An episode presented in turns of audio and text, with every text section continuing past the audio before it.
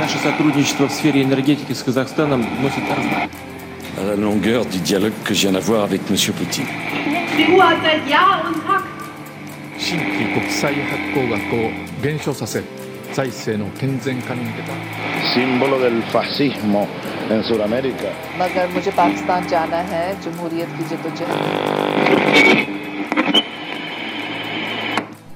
En Siden 80-tallet har Kina vært gjennom monumentale forandringer. Den økonomiske transformasjonen som var kjennetegnet på Deng Xiupangs styre på 80-tallet, har skapt et Kina som er knapt gjenkjennelig fra det bakvendte bondesamfunnet fra Mao Zedongs tid. 700 millioner kinesere har blitt dratt ut av fattigdom og inn i en ny og gryende middelklasse. Men landets voldsomme økonomiske vekst har også ført til at Kina har langt større muskler å vise i utlandet. Kinesiske investorer kjøper opp høyteknologiske selskaper i Europa og råvareprodusenter i Afrika, og finansierer omfattende eh, infrastrukturprosjekter i hele verden. I takt med Kinas voksende økonomiske interesser i utlandet er Kina underveis et ambisiøst militært moderniseringsprosjekt. I dag er det USAs flåte av hangarskip som garanterer sikkerheten i internasjonal shipping. Men i Kina er skipsverftene i full sving med å pumpe ut en egen flåte av ubåter og krigsskip som kan forsvare kinesiske interesser i utlandet. Kinas voksende rolle i verden er gjenstand for både begeistring og uro. Og når vi kommer tilbake, skal vi drøfte hvordan vi har nådd dette punktet. Mir var en sovjetisk romstasjon som i utgangspunktet var bygget for å vare tre år. Den varte til sammen 16. Som sin navnebror strekker utenriksmagasinet Mir seg ekstra langt for å gi deg det beste utenriksstoffet. Ja, da er vi tilbake. Og Snorre, hva var det som skjedde i Kina på 80-tallet? Ja, Det som skjedde i Kina på 80-tallet, det var en momental endring i tankegang, og eh, det var store endringer sosialt og økonomisk. Du hadde fått en ny president, Deng Xi Jinping, og han var da leder for det kommunistiske partiet. Og det som skjedde på den tiden, det var jo at Kina måtte ligge lavt. Altså, det, han hadde denne, dette ordtaket uh, 'Hide your strength, bide your time'. Altså på den tiden så holdt Kina seg ganske lavt og, og prøvde å bygge opp igjen landet etter kommunisttiden. Det er jo, det må jo også sies at eh, det Deng gjorde, var å iverksette en god del reformer som eh, det Snorre sa var å eh, så å si reversere det Mao hadde gjort, som kulturrevolusjonen bl.a. Man moderniserte både økonomien og folks levekår. Mm. Men hvordan har man gjort det? Hva var det Deng Xiao- Xiaoping egentlig gjorde sånn konkret for å åpne opp Kina? Det han gjorde konkret, det var jo at han begynte å liberalisere spesielt byer langs kysten. Fordi at det, der er jo det mange store handelsbyer, og det som eh, de gjorde, det var jo at små bedrifter kunne nå begynne å operere som eh, nesten et slags fritt marked. Men altså større sånne kolossale bedrifter og sånne ting, det var fortsatt under kommuniststyret. Så det var det sterk kontroll på. Men alt sånt lavere bedrifter og sånne ting, matbutikker og sånne ting, og restauranter og sånt, det var for fullt lovlig. Så det var en slags økonomisk liberalisering som skjedde på den tiden. Det var vel også, om jeg ikke tar feil her, Snorre, starten på det som ble de, de frie sånn eh, handelssonene innad i Kina ved store byer som eh, Shanghai, eh, og som, tillatt, eh, som tillot de byene å vokse seg så store som de gjorde. Ja, og dette her eh, tok jo stor vestlig innflytelse, spesielt fra USA og Europa og sånne ting, hvor de opererte nesten som en slags europeiske byer. Men det er viktig at man fortsatt skiller, fordi at uh, til og med i disse frie handelsbyene så var det svære bedrifter igjen som ble kontrollert tungt av eh, kommunistregimet, uh, altså uh, ettpartisystemet, og uh, ja eh, Så til og med under liberaliseringa så har på en måte kommunistpartiet i Kina en finger med i, i, i det meste. da Er på en måte viktig å legge vekt på her. Ja, de har eh, fortsatt eh, stålkontroll, og har eh, hatt det helt siden eh, Mao ble innsatt eh, ved å forene Kina på 1940-tallet. Eh, men selv om man har hatt en slik økonomisk liberalisering og man har hatt en veldig stor vekst i middelklassen, så har eh, kommunistpartiet alltid hatt en finger eh, med i spillet. Mm. Uh, Deng Xiaoping, eller Deng Xiu, uh, Xiaoping, da, som, som det heter, er kjent for å si det at for at alle skal komme seg ut av fattigdom, så må noen få lov til å bli litt rikere enn andre. Hvordan ser vi at Deng Xiaopings, eller den handelsliberaliseringa har gått utover det kinesiske samfunnet? Eh, flere enn noensinne er kommet ut av fattigdommen, men òg inntektsulikhet er jo på voksne. Spesielt uh, så er det et skille mellom land og by. Uh, fordi at i byene så er de store industribedrifter uh, og sånne ting, hvor folk får ganske godt betalt, mens på, på landet så er det jo ganske mange risgårder og sånne ting hvor folk ikke lever på så mye, egentlig. De lever på et par kroner dagen og sånt. Og det er jo det som er det store økonomiske skillet, land mot by. Men også innad i byene så er jo sånn at staten og uh, de store kapitalistene de tjener seg godt på dette, men så har de også en av de strengeste arbeidsmarkedreguleringene i verden. Så det er jo viktig å ta på seg. Det må jo også sies at man kan dra sammenligninger her til uh, rett og slett den industrielle revolusjonen som vi så jo som var i Europa på 1800-tallet, hvor det var urbanisering, det var industrialisering. Uh, folk har jo flyttet i enorme mengder fra landsbygda og nettopp til de store kystbyene hvor det er fabrikker og det er billig arbeidskraft. Og det er en gruppe med superrike kinesere som da er eiere av store private selskaper, som har fått lov til å operere under uh, kommuniststyret, uh, hvor uh, regimet har sagt om dere ikke driver med noe slags politikk, så skal dere faktisk få lov til å operere i frihet. Mm. Men det er jo sånn at uh, det kommunistiske regimet altså sitter med all makten fortsatt, fordi at de kan gripe inn, sånn som man så på Timan Square i 1989. Når vi kommer tilbake, skal vi få høre en kommentar av vår kjære medarbeider Tine Lægreid. Har du selv hatt samtale med Meshad? Nei. Kan vi ikke ta eh, opp opptaket på dette eh, på ny? Hvis du heller ikke fikk med deg alle spørsmål, kan du høre alle våre sendinger på iTunes og srib.no.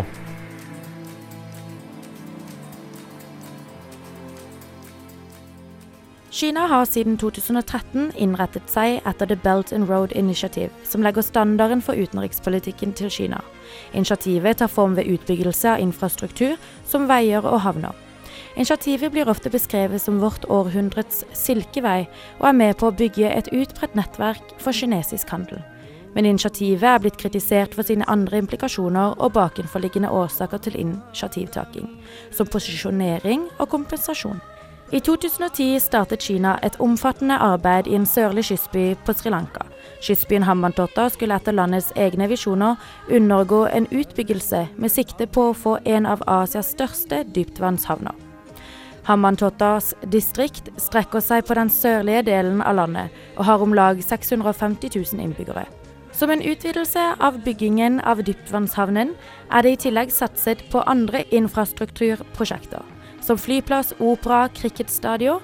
Denne utbyggingen er en del av Sri Lankas ambisjoner for byen, men også en videreføring av overført arbeidskraft. Det er nemlig slik at det blir bare brukt kinesiske arbeidere under slike prosjekter. Alt dette er blitt bygd i en by hvor de fleste ikke har råd til å fly, gå til teateret eller se cricketspill. Stadion, teater og flyplass er sjelden brukt, og for det meste tomme. Sri Lanka ønsket en utbyggelse av deres urbane områder, og så til Hambantota til å bli den neste største urbane huben etter hovedstaden Colombo. Selv om utbyggingen av havnen i Hambantota ble bygget før The Belt and Road Initiative offisielt ble satt i gang, falt prosjektet perfekt under omfavnet av prosjektet. Prosjektet og Sri Lankas ambisjoner er likevel blitt mye kritisert. Kritikken stammer fra et manglende behov for en ny havn, ettersom Colombo alt har en havn, og den har plass til å ekspandere i tillegg til kritikken om manglende økonomisk sikkerhet og lønnsomhet rundt prosjektet. Andre land som India takket nei til å være støtter av prosjektet, men Kina takket derimot ja. Mange spekulerer derfor på hensikten Kina har til slike prosjekter som nettopp havnen i Hambantota. Som følge av at Sri Lanka ikke klarte å betale ned delbetalinger, ble det i 2017 inngått en avtale som gir Kina kontrollerende eierandel, i tillegg til leie av havnen i 99 år. Med dette posisjonerer Kina seg strategisk i Det indiske hav, og innflytelsen over Sri Lanka blir større. Prosjektet i Hambantota er en påminnelse om at The Belt and Road Initiative handler om mer enn veier, jernbaner og andre harde infrastrukturelle prosjekter. Det er også en arena og en metode for Kina til å etablere nye regler og etablere institusjoner som reflekterer kinesiske interesser. Kina har på bakgrunn av de store lånene Sri Lanka pådro seg, fått mer innflytelse enn noen gang over Sri Lanka. Noe vi også ser andre steder i verden, og nå også i Venezuela. Posisjoneringen viser til egeninteresser og maktutredning, noe vi absolutt burde se opp for. China, China, China, China, China, China, China, China, China, China, China, China, China, China, China, China, China, China, China. I motsetning til Donald Trump så bryr vi oss om mer enn bare Kina. Hør på utenriksmagasinet MIR for å holde deg oppdatert på resten av verden også. China, China, China, China, China, China, China, China, China, China. Da er vi tilbake i utenriksmagasinet MIR. Og Magnus, hva er Kinas økonomiske interesser i utlandet? Det er eh, mange som spekulerer i det, for de er ikke helt tydelige. Eh, men vi har sett de siste, det siste tiåret, spesielt etter finanskrisen, at eh, kinesiske selskaper, både private i hermetegn, som da i realiteten er datterselskaper av offentlige selskaper, og reelle offentlige selskaper i Kina, går ut, kjøper opp teknologi i bl.a. Europa og investerer mye på det afrikanske kontinentet. Det som er viktig å se, det er at Kina skiller seg en del fra Vesten i deres økonomiske interesser fordi at de er ikke redd for å gripe inn i økonomien med staten. Og vil si at de er mer handlekraftige, og de kan re reagere fortere til eh, markeds, altså turbulenser i markedet. Og deres interesser nå er jo å holde økonomien gående, altså å ha den veksten som de har hatt tidligere. Men det er jo ikke enkelt å ha det når du har sett vekst tidligere på 10-12% sant? Så det Kina gjør nå, det er at de kjøper naturressurser i land sånn som Venezuela og Afrika og uh, i Asia for å hele tiden fø, altså mate denne industrien de har. Det var eh, litt det poenget jeg skulle komme også, at i Kina så driver de eh, så driver styresmaktene og pumper inn ressurser fra resten av verden for å selv vokse og selv ha velstand og bli større og sterkere. Men det må også sies at det er en stor forskjell mellom økonomiske eh, ambisjonene de har eh, i Asia og utenfor Asia. For i utenfor Asia så er det meget eh, begrenset i forhold til det det er inne i Asia, det som de ser på som sin egen sfære av innflytelse. Utenfor Asia så er det som regel råvarer eller kjøpe opp verdifull teknologi, øh, og muligens få gode handelsavtaler med andre stater. Det har vi sett bl.a. med Etiopia og andre afrikanske land. Mens i Asia så handler det om å bygge ut bl.a. Eh, flybaser, få større tilstedeværelse i de landene. De skal jo bygge ut helt ny infrastruktur, og dette One Belt One Road-initiativet som de kaller for Nye Silkeveien.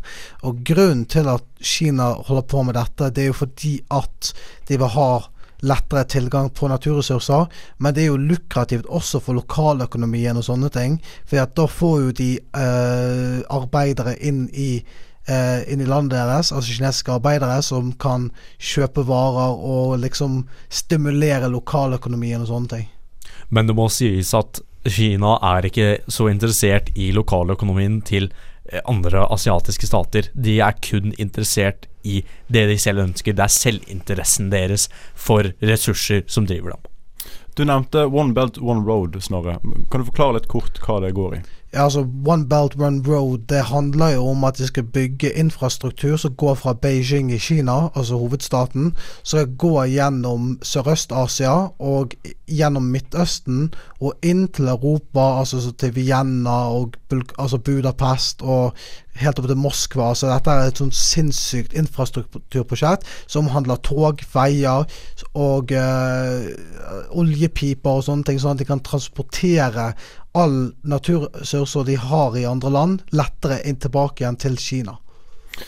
Dette her har jo ikke vært helt ukontroversielt. Uh, Kinas sine nye framsteg på verdensscenen har blitt møtt med en ganske stor uro hos noen land. Kan du fortelle litt mer om det, Magnus? Ja, eh, det som spesielt vekker oppsikt i det internasjonale samfunnet, er at Kina låner kjempemasse penger til asiatiske stater primært, som har muligens ganske dårlige økonomi, økonomiske vilkår, som bl.a. Pakistan, Sri Lanka, hvor det er mye korrupsjon og intern uro.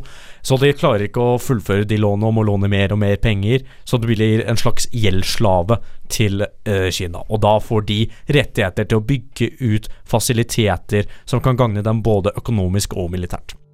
Se me sanciona porque convoco elecciones generales para que el pueblo vote libremente y elija una institución como la Asamblea Nacional Constituyente. Forstår du ikke hva Venezuelas president Nicolas Maduro sier her? Frykt ikke, for utenriksmagasinet MIR rapporterer på hele Latin-Amerika og resten av verden, slik at du kan få med deg de viktigste utenriksnyhetene.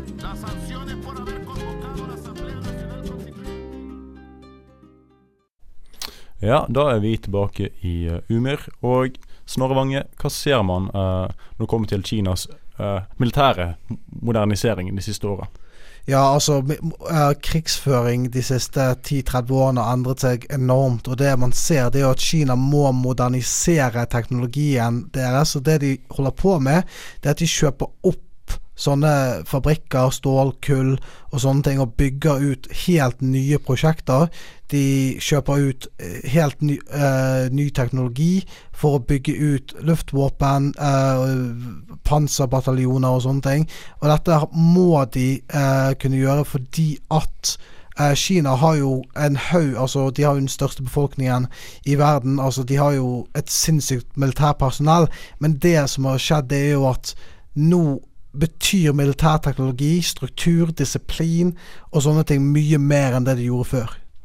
Det som også har vært uh, å nevne, er jo at uh, mye av Kinas militærteknologi baserer seg på det de fikk karret til seg etter Sovjetunionens oppløsning. Uh, og en rusten hangarflåte som er utdatert som bare det. Mye av Kinas militære, ikke bare mobilisering, men også oppgradering, er som det Snorre sa. Men også å bygge nye strukturer for datasikkerhet, ikke minst. Men det som er veldig, veldig interessant med Kina akkurat nå, er at de bygger en helt ny, topp moderne hangarflåte for å beskytte kysten sin og å vise nærvær i bl.a. Sør-Kina-havet. For Kina har vel ikke bare bygd nye flåter, de har òg vært, uh, som mange vet, de har bygd nye kunstige øyer i Sør-Kina-havet, f.eks. Uh, kan dere fortelle hva dette handler om? Ja, det det handler om, det er jo at uh, Kina vil utøve mer makt og mer muskler i det de altså ser på som sin interessesfære, siden de ser jo på Nato som en forlengelse av USA. Og altså Nato har jo festet seg i Korea, så de ser jo på at altså som det er nesten en slags innkrenkelse på kinesiske interesser. Og da har de begynt å bygge ut helt nye sånne artifisielle øyer og sånne ting for å prøve å utøve makten sin mer. Det er jo for å vise styrke, ikke minst. Eh, Kina påstår jo at de har hatt eh, eid disse øyene i over 2000 år. Men det som også må sies, er at Sør-Kina-havet og det nærliggende Malakka-stredet er de to stedene i verden eh, så å si hvor det går mest skipstrafikk. Altså det er der det er mest frakt og handel. Og at Kina utøver makt i de farvannene er ikke en stor overraskelse da. De vil ha kontroll over de vannområdene.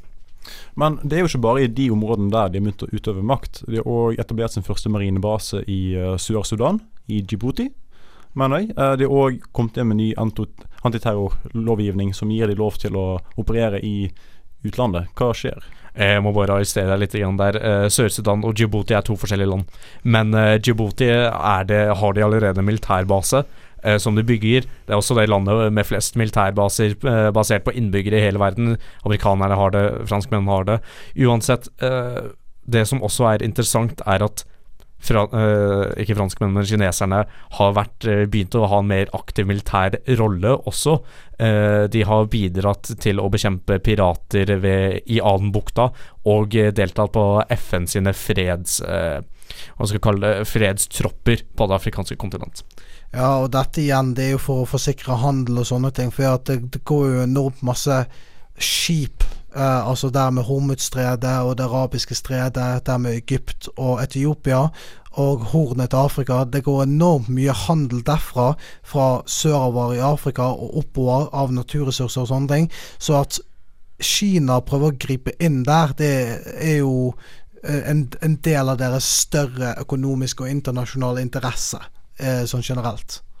Så dette her kan egentlig bare handle om at Kina prøver å måtte forsvare sine forsyningslinjer inn til heimlandet, da, for å kunne på en måte garantere befolkninga si tilgang på de råmaterialer og de ressurser som de trenger? Ja, Uten tvil. Eh, det er bare selvinteresse kineserne driver med. USA eh, har jo lenge påstått at ja, vi skal beskytte dere, vi er eh, fredens forkjemper og for frihet og demokrati. For Kina så handler det bare om interesse for den kinesiske stat, for å vokse, for å bli sterkere og for å flekse både sine økonomiske og militære muskler. Det er jo en stort skille mellom altså USA, altså USA, EU og Kina. Kina er mye mer villig til å liksom forhandle med og ha relasjoner med land som er litt mer udemokratiske og kanskje autoritære. Altså Mens EU og USA er for demokrati og menneskerettigheter, og de er veldig streng på dette når de handler med et sånne land. Ja. Når vi kommer tilbake, skal vi høre om hvordan det helhetlige bildet med tanke på Kinas vekst ser ut. Mitt navn er Jørgen. Jeg kommer fra Banalpolitikk, og du hører på utenriksmagasinet MIR. Ja, hallo. Jeg sitter da altså her med Thomas Larsen Høysæter, som er stipendiat i historie ved Universitetet i Bergen. Hallo, Thomas. Hallo, hallo. Og Thomas, kort forklart, hva, hva var Silkeveien? Oi, det er ikke særlig lett å svare kort på, men en kan jo kanskje begynne med å si at Silkeveien eh, ikke var en vei, og eh, det var veldig mye annet enn silke som òg reiste der. Eh, Silkeveien brukes eh, som et slags sånn samlebegrep om de forskjellige rutene som bandt sammen eh, ikke bare egentlig Kina og Vesten, selv om det er ofte det som en er mest interessert i, men eh, egentlig nesten hele Eurasia, både øst-vest og, og nord-sør, i eh, historisk tid. da, så Fram til eh, de store, europeiske oppdagelsesreisende eh, reisende, eh, med, med, skip, så når en fikk kontakt sjøveien. Så før da så var det landveien og da den såkalte Silkeveien som var, som var det viktigste kontakt- og knutepunktene eh, mellom øst og vest og nord og sør.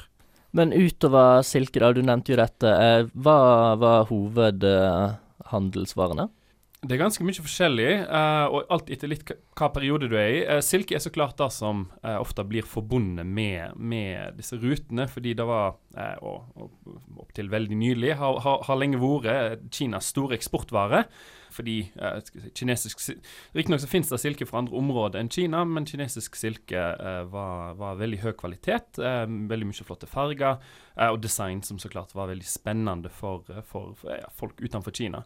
Eh, men i tillegg så har en veldig mye slaver som blir handla mellom øst og vest. særlig kineserne er veldig interessert i i slaver fra, fra, den iranske verden, og all slags annet, egentlig. Altså, Uh, alt ifra uh, silk, nei, silke, um, alt fra jade og, og andre uh, flotte steiner. lapis lazuli og, og smaragder og alle slags sånne ting. Og, og, og, mer praktiske gjenstander som altså stål og, og slike ting. Altså høykvalitetsutstyr, rett og slett, av forskjellige slag. I tillegg til medisiner og krydder og ja. det er ganske lang liste. Hvor viktig vil du si at Silkeveien var for kinesisk handel og hva skal jeg si, forbindelsen med resten av verden, da? Sant. Uh, dette er et veldig stort spørsmål uh, innen forskningen, uh, som det ikke vel egentlig finnes en, en, helt en konsensus på. Men en kan i kortest trekk si at Silkeveien nok på mange måter var viktigere kulturelt enn økonomisk. Um, Riktignok så er det veldig store mengder ting som flytter seg øst, vest og nord, sør over Eurasia. Men hvor mye det var intendert, mye av det som var intendert handel, altså der noen tenkte at dette skulle de tjene penger på, og hvor mye av det som var altså, diplomatisk, der, der kineserne eh, ga silke til forskjellige hoff for å, for å blidgjøre dem og sånn, det, det, er vanskelig å si, da, men det som, det som nok eh, for kineserne iallfall var, var på mange måter det viktigste, eh, og så klart som har ha, liksom hatt den største innflytelsen på i dag, da, i forhold til Silkeveien, da var jo eh, alle ideene som bevegde seg mellom øst og vest, og da særlig religion. Uh, og nå vil du si at det uh, kinesiske riket nådde sitt toppunkt da, under denne perioden? Ja, uh, altså, i, i, altså, du kan si per, ja, veldig, veldig grovt så, så, eksisterer noe en kan snakke om som en silkevei fra Hvis du skubber deg veldig langt tilbake, kanskje 1000 år før vår tidsrekning, uh, og til rundt 1500 år etter vår tidsrekning. Og har, det, De kinesiske rikene i den perioden har Det er mange av de, og de har forskjellige storhetstider, men det, det er stort sett to eh, som er de som eh, en, en, fokuserer mye på. Det er Han-dynastiet. Eh, altså, kineserne kaller seg jo fortsatt for Han-kinesere. Eh, og de kaller språket sitt for, eller bokstavene sine for eh, hanse, altså eh, han-skrift. Og Da trekker de jo på dette Han-dynastiet, da, som er fra ca. 200 før til 200 etter vår tidsrekning, Eh, og som på mange måter blir regna som eh, liksom Kinas storhetstid, og en av de store gullaldrene.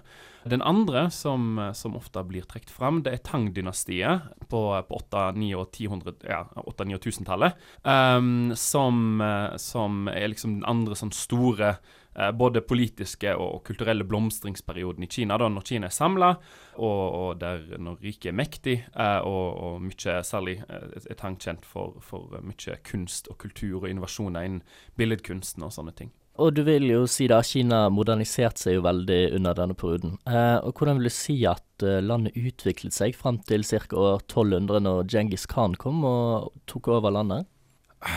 det, det, er en ganske lang historie. Um, men for å prøve å gjøre det veldig kort altså Kina er jo uh, veldig tidlig, um, allerede i alle fall så tidlig som 600-tallet eller 500-tallet før vår tidsrekning, så dukker det opp ideer om et samla forent Kina. Um, og så er det jo Han-dynastiet da på 200-tallet før vår tidsrekning, som er det første dynastiet som faktisk samler store deler av Kina. I alle fall Nord-Kina og de, si, de sentrale delene av det som i dag er Kina. da. Men det som kanskje er eh, det mest spennende i, altså i, i, forhold til utviklingen fra han og opp til opp mot eh, ja, det mongolske Yuan-dynastiet, er nok fort at eh, Sør-Kina blir det nye senteret på en måte utover på åtte ja, Det, det begynner allerede på 500-tallet. Eh, så 600-, 700- 800-tallet så begynner du å se at mye av um, makten da, i, i, det kinesiske riket flytter seg sørover. Det har delvis med, med, med nye altså sånn jordbruksteknikker å gjøre, der, der en begynner å eh, produsere ris i mye større skala og sånn. Eh, men det har delvis òg med at uh, i den perioden etter Han-dynastiet, på, på 200-, 300- og 400-tallet, så er det veldig mange invasjoner fra nord, og der på en måte maktsenteret naturlig blir blir tvunget sørover, da. Uh, yes, tusen hjertelig takk for at du ville stille opp i dette intervjuet, Thomas. Ja, tusen takk for at jeg fikk lov å være her. Excuse me, Mr. President. Mr. President. Go Mr. ahead. President elect, since you are attacking Thank you. Thank you. What do you think about the Norwegian student radio show Utenriksmagasinet Mir? You are fake news. I think it's a disgrace. It's a failing pile of garbage. Nådeløs kritikk der fra verdens mektigste mann. Uansett, vi i utenriksmagasinet MIR jobber hardt for å forbedre oss, slik at vi kan gi deg de aller beste utenriksnyhetene hver fredag fra studentradioen her i Bergen. Da er vi tilbake på lufta. Og Magnus, hva er det Kina vil med det de gjør nå? Det de vil, er å sikre seg en plass i fremtiden hvor de er respektert, og får lov til å diktere og bestemme rundt omkring i verden, og spesielt i Asia. De, har jo, de er jo nå en regionalmakt i Asia, men det de har lyst til å bli, det er jo en supermakt på lik linje med Russland. Og man kan argumentere for at de har allerede gått forbi Russland som en supermakt. Og de har lyst til å stå på De har lyst til å være likestilt med USA eh, som en slags verdensmakt og en supermakt. Ser vi at dette hjelper? Er de på vei til å nå det målet?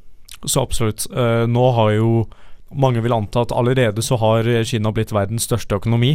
Eh, selv med sterk økonomisk vekst i USA, så har uh, Kina nå tatt over igjen. Og igjen, som de var for mange århundrer siden, blitt verdens største økonomi. Og med det så kommer det en viss tyngde. Det er verdens største marked. Det er enormt mange land som eksporterer varene sine dit. Og det er det landet som eksporterer mest varer til verden også.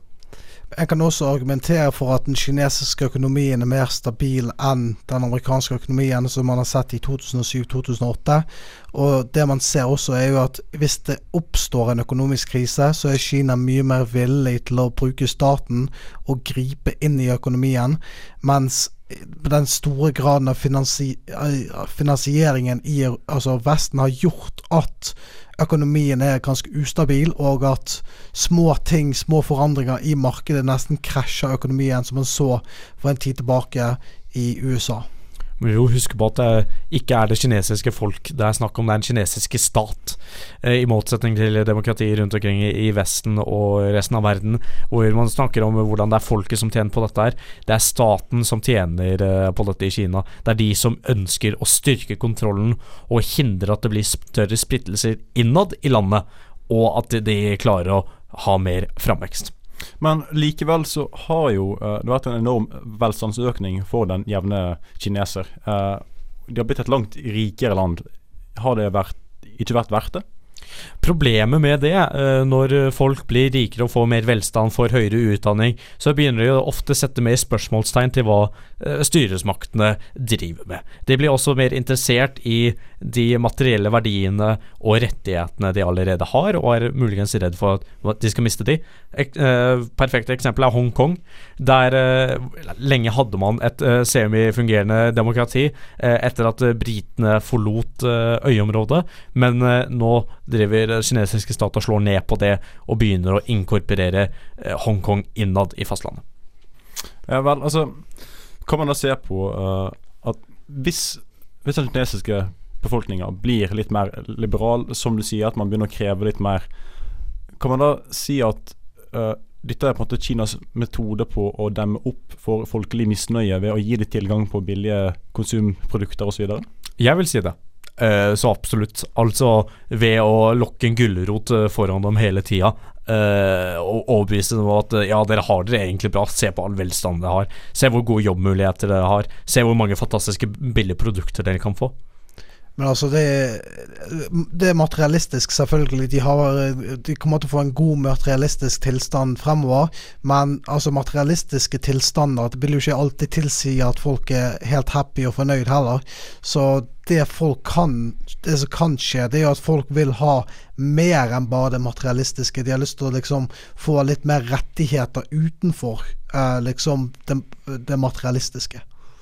Det, for å sitere The Economist, som hadde en eh, større essay-artikkel angående nettopp eh, Kina og velstanden deres. Der sier de the, the deep fissures in the country will, not, uh, will be increasingly hard to paper over with mere prosperity. Det er nettopp det vi snakker om, og at, med, uh, at velstand ikke nødvendigvis er nok til å dekke over misnøyen som, og, og ulikhetene som vokser innad i befolkningen. Vel, Man har jo sett at de har kjørt litt mer på den nasjonalistiske følelsen. At man kan kanskje kanalisere misnøye mot regimet inn i et slags sånn nasjonalistisk misnøye med USA, f.eks., som er ganske rett ut forbi kysten deres. At man kanskje man kan se et litt mer konfrontatorisk Kina, som eh, føler, føler presset fra egen befolkning om å hevde seg sjøl i utlandet. Det er jo nøyaktig det som skjer med Russland også. Uh, være bombastisk i utenrikspolitikken for å gi noe, uh, noe befolkningen noe annet å tenke på enn de problemene som er i hjemme. Og Det er jo tydelig at uh, Kina også ønsker å, å gjøre nettopp det samme. Men så Kina har jo klart å holde på Altså, de klarer å holde befolkningen nede, og de klarer å holde de noenlunde fornøyd uh, til nå. Men det som er spørsmålet, er om det kommer til å skje fremover i framtiden. Om de fortsatt da kan holde befolkningen fornøyd. Og det er jo det man ser i, i, i, denne økonomiske utviklingen man ser nå i Kina. De vil holde befolkningen fornøyd, og de må holde befolkningen fornøyd med arbeid, og da må de ha økonomisk vekst innad. Jeg tror at uh, det med økonomisk vekst og arbeid som uh, Snorre akkurat snakket om, handler om den frykten styresmaktene har, og uh, spesielt president Xi Jinping har, om at om ikke det er økonomisk vekst, så kommer styresmaktene til å miste kon kontroll. Og da kommer man til å se, som har skjedd mange ganger i historien, at uh, Kina kommer til å kollapse. For uh, det, er, det, er, flere som mener, bl.a. amerikanske uh, akademikeren Lucille Pyle, som sier at Kina er en sivilisasjon som påstår at de er en stat. Er Den kinesiske staten er mye mer, og samfunnet er mye mer enn det vi ser. Når vi kommer tilbake, skal vi avvikle dagens sending. President Obama said he did not feel that he deserved to be in the company of so many. The committee has attached special importance to, to Obama's vision of and work for a world free from nuclear that have been honored by this prize and whose courageous pursuit of peace has inspired the world. For more inspiration, utenriksmagasinet MIR. Ukas sending går mot slutten. Snorre Vange, hva har vi snakka om i dag? I dag har vi snakket om Kina i endring, de ulike paradigmeskiftene som Kina har gått gjennom siden 80-tallet, med Xi Jinping som eh, president eh, i dag. Og eh, så har vi snakket om når Deng var president på 80-tallet. Og så har vi snakket om Kinas nye økonomiske imperialisme, for de utøver makt internasjonalt. Det vi også snakket om, er eh, Kinas militære nærvær både i Asia og på andre kontinenter. Og hva som er eh, det kinesiske endgame, om man kan kalle det det, eh, og målene og problemene landet har. Vi vil gjerne takke våre medarbeidere Erik Reidarsen for intervjuet og Tina Lægreid for en fin kommentar. Med meg i studio har jeg Snorre Vange og Magnus Nordahl Røtnes. Mitt navn er Jakob Kirkholt. Du har hørt på Utenriksmagasinet MIR, og du finner oss på Instagram og Facebook. Podkasten vår kan lastes ned og lyttes på på srib.no og iTunes. Vi ses igjen på neste ukes aktualitetssending.